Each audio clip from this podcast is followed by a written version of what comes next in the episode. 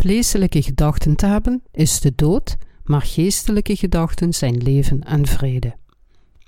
Romeinen hoofdstuk 8, vers 4 tot en met 11. Opdat het recht der wet vervuld zou worden in ons, die niet naar het vlees wandelen, maar naar den geest. Want die naar het vlees zijn, bedenken dat des vleeses is, maar die naar den geest zijn, bedenken dat het geestes is. Want het bedenken des vleeses is de dood, maar het bedenken des geestes is het leven en vrede. Daarom dat het bedenken des vleeses vijandschap is tegen God, want het onderwerpt zich der wet Gods niet, want het kan ook niet. En die in het vlees zijn, kunnen goden niet behagen. Doch gij lieden zijt niet in het vlees, maar in den geest, zo anders de geest Gods in u woont. Maar zo iemand den geest van Christus niet heeft, die komt hem niet toe. En indien Christus in uw lieden is, zo is wel het lichaam dood om der zonden wil, maar de geest is leven om der gerechtigheid wil. En indien de geest desgenen die Jezus uit de doden opgewekt heeft in u woont, zo zal hij, die Christus uit de doden opgewekt heeft, ook uw sterfelijk lichamen levend maken door zijn geest die in u woont. Overzeese missie is effectief als ze wordt gedaan door middel van literatuur. En dit is wat wij doen. We zijn gezegend als we het woord van God lezen en ons geloof groeit omdat we in zijn woord geloven.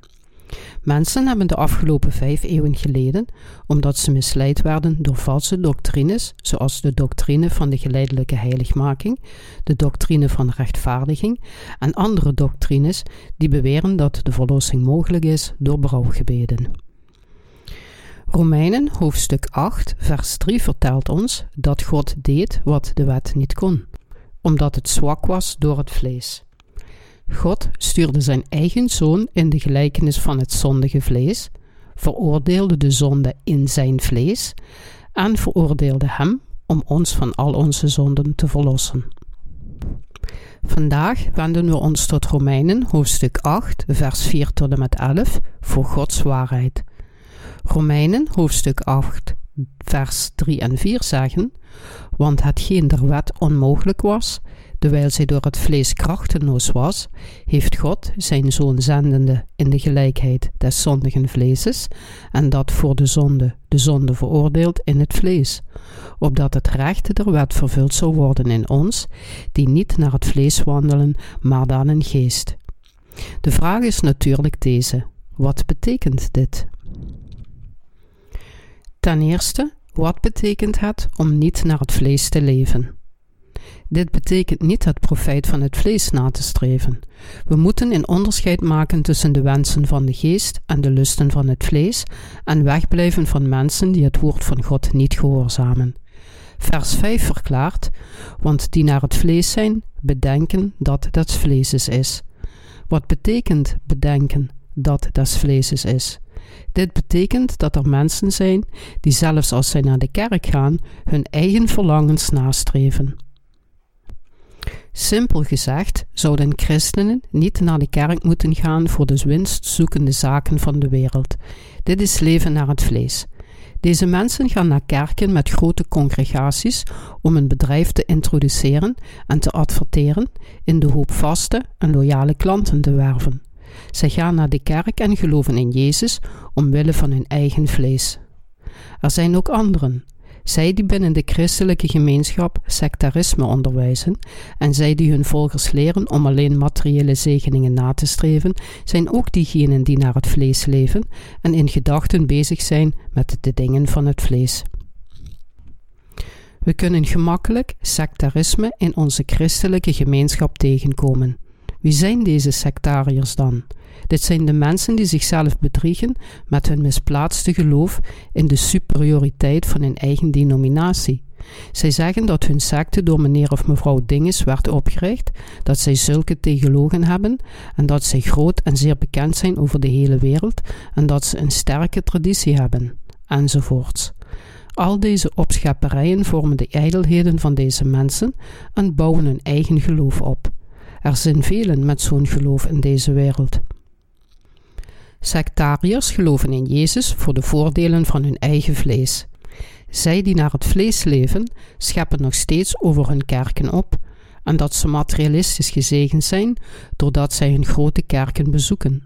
Sommige kerken hebben zulke gewone gemeenschapsdoelen, zoals heb uw vrouw lief. Maar dit is wat zij die naar het vlees leven betekent. Zouden kerken het liefhebben van hun vrouw als hun doel moeten hebben? Nee. Zeg ik dan dat we onze vrouw niet moeten liefhebben? Natuurlijk niet. Maar zulke doelen, hoe leuk en aantrekkelijk ze ook mogen zijn, kunnen niet het fundamentele doel van onze kerk zijn. Diegenen die naar het vlees leven, richten hun gedachten op de dingen van het vlees. Tegenwoordig hebben te veel predikers van zichzelf zulke mensen gemaakt door alleen geïnteresseerd te zijn in het vergroten van de omvang van hun kerklidmaatschap, offers en gebouwen. Deze zijn nu het belangrijkste doel van hun geloof geworden. Het bouwen van een grotere, hogere en royalere kerk is hun grootste doel geworden. Zelfs als zij naar buiten toe zeggen dat ze meer volgers verzamelen om hun naar de hemel te leiden en meer van zulke excuses aandragen, is hun grootste doel meer geld te verzamelen om grotere kerkgebouwen te bouwen.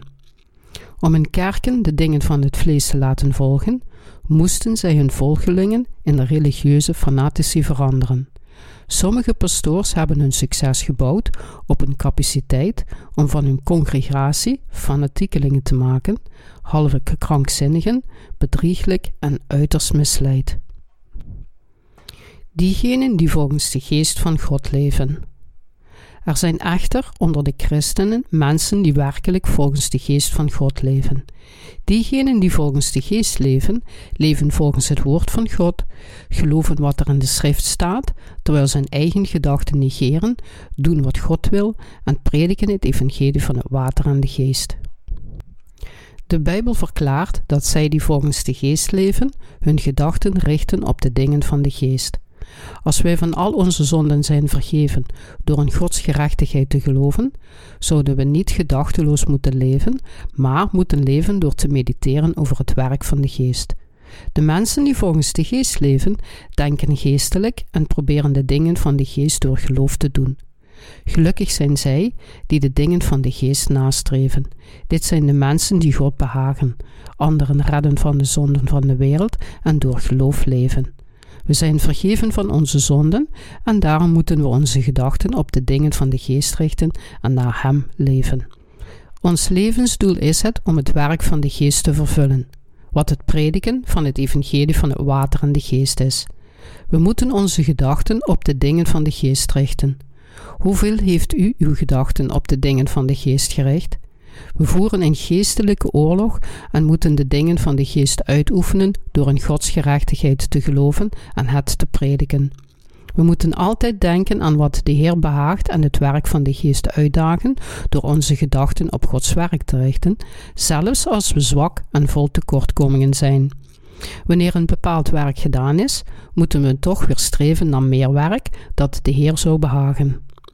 We prediken nu het evangelie van het water en de geest aan de hele wereld door literatuur.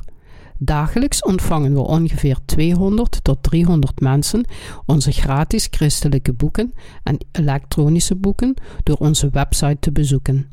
Door met geloof te streven naar de prediking van het evangelie van het water en de geest aan iedereen in elk land in de wereld, dienen we het evangelie samen met u in zijn kerk. Als we onze gedachten niet hadden gericht op de dingen van de geest, zouden we deze vruchten van de geest niet hebben ontvangen. We moeten zijn werk één voor één uitvoeren met onze gedachten gericht op de dingen van de geest.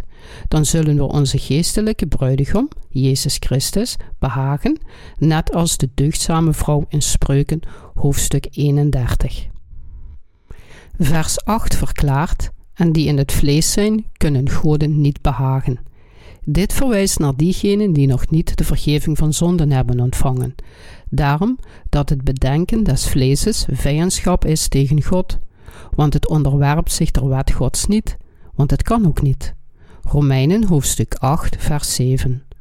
Zondaars, die dus niet de geest in zich hebben, kunnen Gods werk niet doen, noch kunnen zij hem behagen. Zondaars onderwerpen zichzelf niet aan de wet van God, Evenmin onderwerpen ze zich aan de gerechtigheid van God. Zij kunnen hem niet behagen. En dit komt omdat ze niet kunnen begrijpen wat de wil van God is, aangezien de Heilige Geest niet in hen woont. Wat de Heer behaagt, is alle zonden van de mensheid te vergeven met het evangelie van het water en de geest. Hij is niet blij met de verheerlijking en de aanbidding van zondaars. God is niet verheugd als zondaars hem loven. Het maakt niet uit hoeveel zondaars hun handen opsteken om hem te prijzen en tranen te vergieten in aanbidding. Ze kunnen hem niet behagen.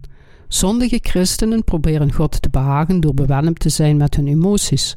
Ze kunnen de Heer niet behagen. Zij die met zonden zijn, kunnen de Heer niet behagen omdat zij zondaard zijn. Het maakt niet uit hoe hard zij hun best doen. Zondaards kunnen de Heer nooit behagen. Het is niet een kwestie van hoe gewillig ze zijn om de Heer te behagen. Het is een kwestie van hoe onmogelijk het voor hen is om Hem te behagen. Zou het God behagen als mensen grotere kerken bouwen? Zeker niet. Als het noodzakelijk zou zijn om naar een groter kerkgebouw te verhuizen, dan moet een grotere kerk gebouwd worden. Maar het bouwen van een grotere kerk alleen maar om het te bouwen, behaagt God helemaal niet. Een kerk in mijn stad, bijvoorbeeld, heeft onlangs meer dan 3 miljoen Amerikaanse dollar uitgegeven om een nieuwe kerk te bouwen, ondanks dat de vorige kerk er vlak naast staat en het nog steeds in een prima staat verkeert en genoeg plaats biedt. Was het echt nodig om zo'n kerk te bouwen als de congregatie slechts uit 200 of 300 mensen bestaat? Gods kerk is niet gebouwd van bakstenen. God zegt ons dat we de tempel van God zijn en dat de geest van God in de harten van de rechtvaardigen woont. Het is juist om een grotere kerk te bouwen als noodzaak. Maar geeft het bouwen van grotere kerken op zichzelf God eer? Nee, dat doet het niet. Geeft het verzamelen van meer mensen in een kerk meer eer aan God? Nee, men kan God niet behagen door dat te doen. En de mensen die in het vlees zijn, kunnen God niet behagen. Soms zijn er zelfs rechtvaardige mensen die alleen de voordelen van het vlees nastreven. Deze mensen kunnen de Heer niet behagen. Onder de rechtvaardigen zijn er sommigen die nog steeds gebonden zijn door hun gedachten van het vlees, zoals zondaars. Deze mensen kunnen God niet behagen. In werkelijkheid zijn ze niet in staat om een gezond geloofsgeleven in de kerk te leiden. Zij klagen, hebben een hekel aan Gods kerk en uiteindelijk verlaten ze de kerk. Daarom moeten wij, die rechtvaardig zijn, een rechtvaardig leven leiden en God behagen en niet een leven dat alleen de voordelen van het vlees zoekt. We moeten nadenken over de werken van God en Zijn gerechtigheid. De werken van Zijn gerechtigheid dienen en onze lichamen, gedachten en onze bezittingen gebruiken als de werktuigen van de gerechtigheid van God. We moeten een leven leiden dat God behaagt. Zij die in de geest van Christus zijn. Laat ons vers 9 samen lezen. Doch gij lieden zijt niet in het vlees, maar in den geest, zo anders de geest Gods in u woont. Maar zo iemand den geest van Christus niet heeft, die heeft hem niet toe. Deze passage betekent volgens Paulus dat als we in het evangelie van het water en de geest geloven, met andere woorden, als we in Gods gerechtigheid geloven en verlost zijn van onze zonden, we niet langer in het vlees zijn, maar in de geest. Als iemand de geest in zijn of haar hart heeft, is deze persoon in Christus, en als iemand niet de geest van Christus heeft, dan is die persoon niet van hem. Wij zijn daarom niet in het vlees, maar in de geest. Wij, die in de geest zijn en van de zonden zijn verlost door het evangelie van het water en de geest, mogen niet vergeten dat wij de soldaten van de gerechtigheid zijn, die de capaciteit hebben om God te behagen als de rechtvaardigen in Christus. We zouden niet moeten wanhopen over de zwakheden van ons vlees, maar God behagen met het geloof dat, hoewel we zwak zijn, van Hem zijn en dat we in Hem zijn en dat we daarom Zijn werkers zijn. We moeten weten dat het ons niet is toegestaan om alleen de voordelen van ons vlees na te streven nadat we wedergeboren zijn. We zouden moeten weten dat de rechtvaardigen voortbestemd zijn om alleen voor de gerechtigheid van God te leven. Vers 10 laat ons zien hoe christenen zouden moeten leven. En indien Christus in uw lieden is, zo is wel het lichaam dood om de zonden wil, maar de geest is leven om de gerechtigheidswil. In werkelijkheid zijn wij, onze lichamen, gekruisigd en gestorven met Jezus Christus vanwege onze zonden. We zijn van al onze zonden verlost geworden door de rechtvaardige daad van God. Vanwege deze gerechtigheid hebben de geesten van de gerechtvaardigen dus het eeuwige leven.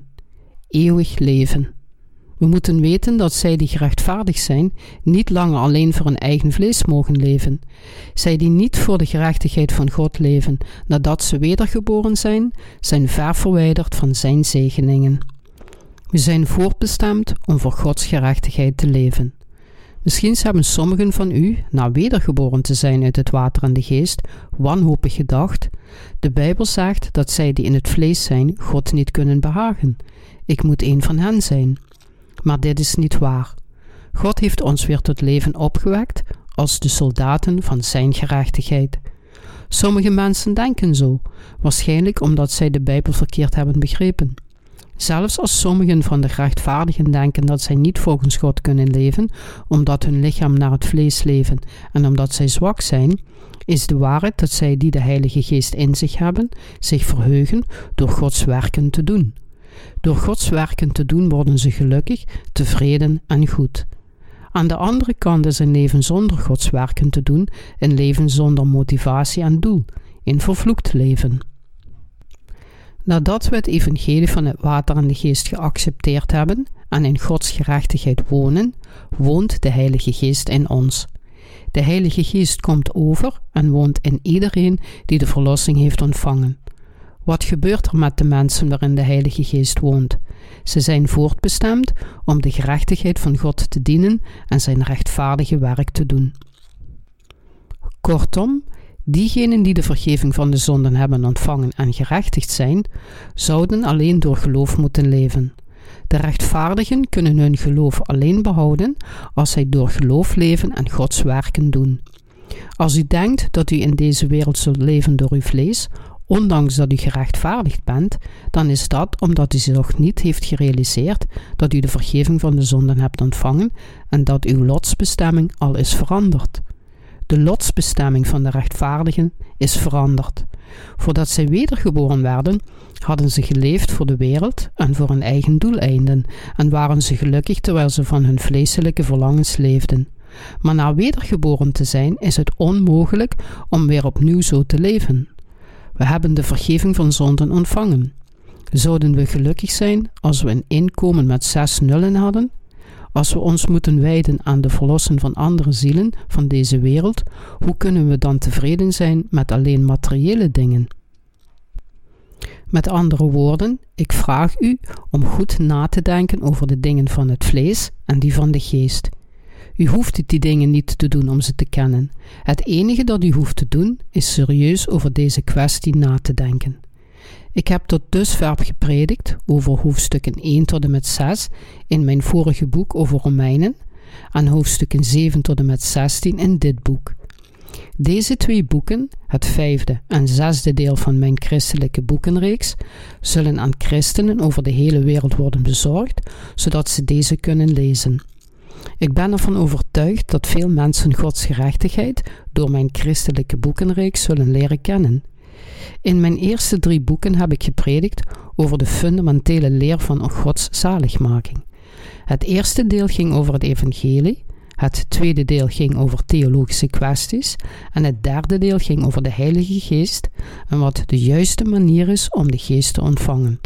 En dit vijfde en zesde deel over Romeinen behandelt gedetailleerd hoe verkeerd veel van de theologische doctrines zijn, waarom zonden niet verdwijnen, zelfs niet wanneer christenen in Jezus geloven, en hoe het evangelie van het water en de geest als de gerechtigheid van God wordt geopenbaard.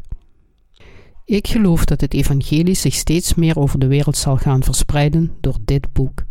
Er is een opmerkelijke vooruitgang geboekt in de prediking van het evangelie toen we het derde deel publiceerden, vergeleken met de keren dat we de eerste twee delen publiceerden. Nu, na het derde deel, vragen steeds meer mensen naar de eerste twee delen van mijn christelijke boekenreeks.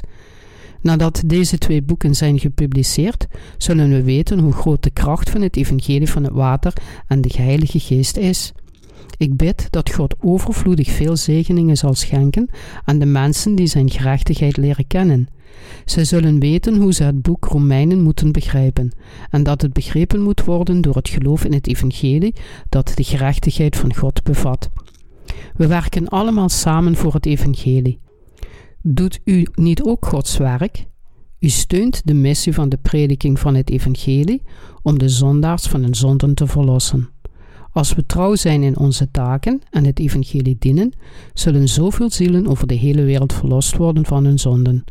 Hoe kunnen we dan dit waardevolle werk in de steek laten omwille van wereldlijke werken?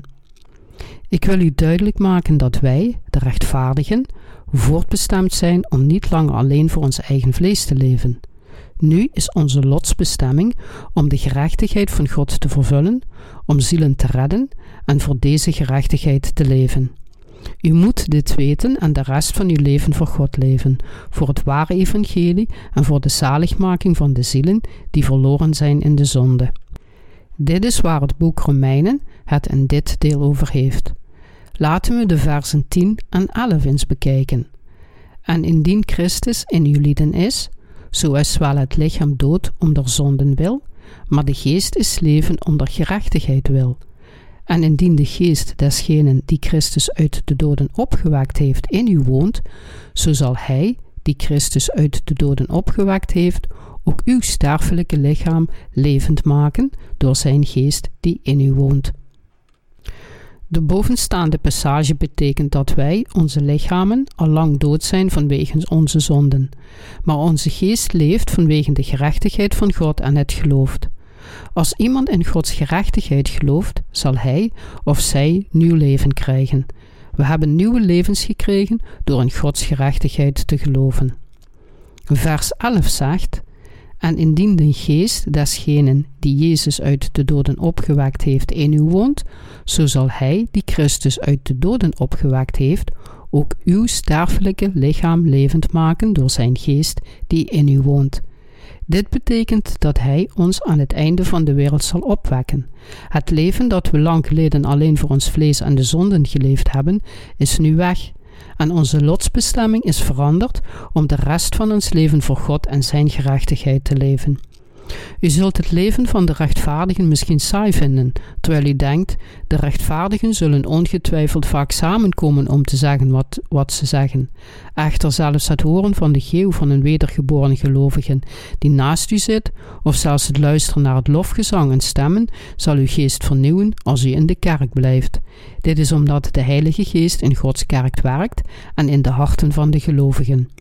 Uw geest zal vernieuwd worden en u zult nieuwe krachten in uw hart krijgen door gevoed te worden door het geestelijke brood van leven en u zult de geestelijke taken krijgen om erop uit te gaan en de geestelijke werken te verrichten.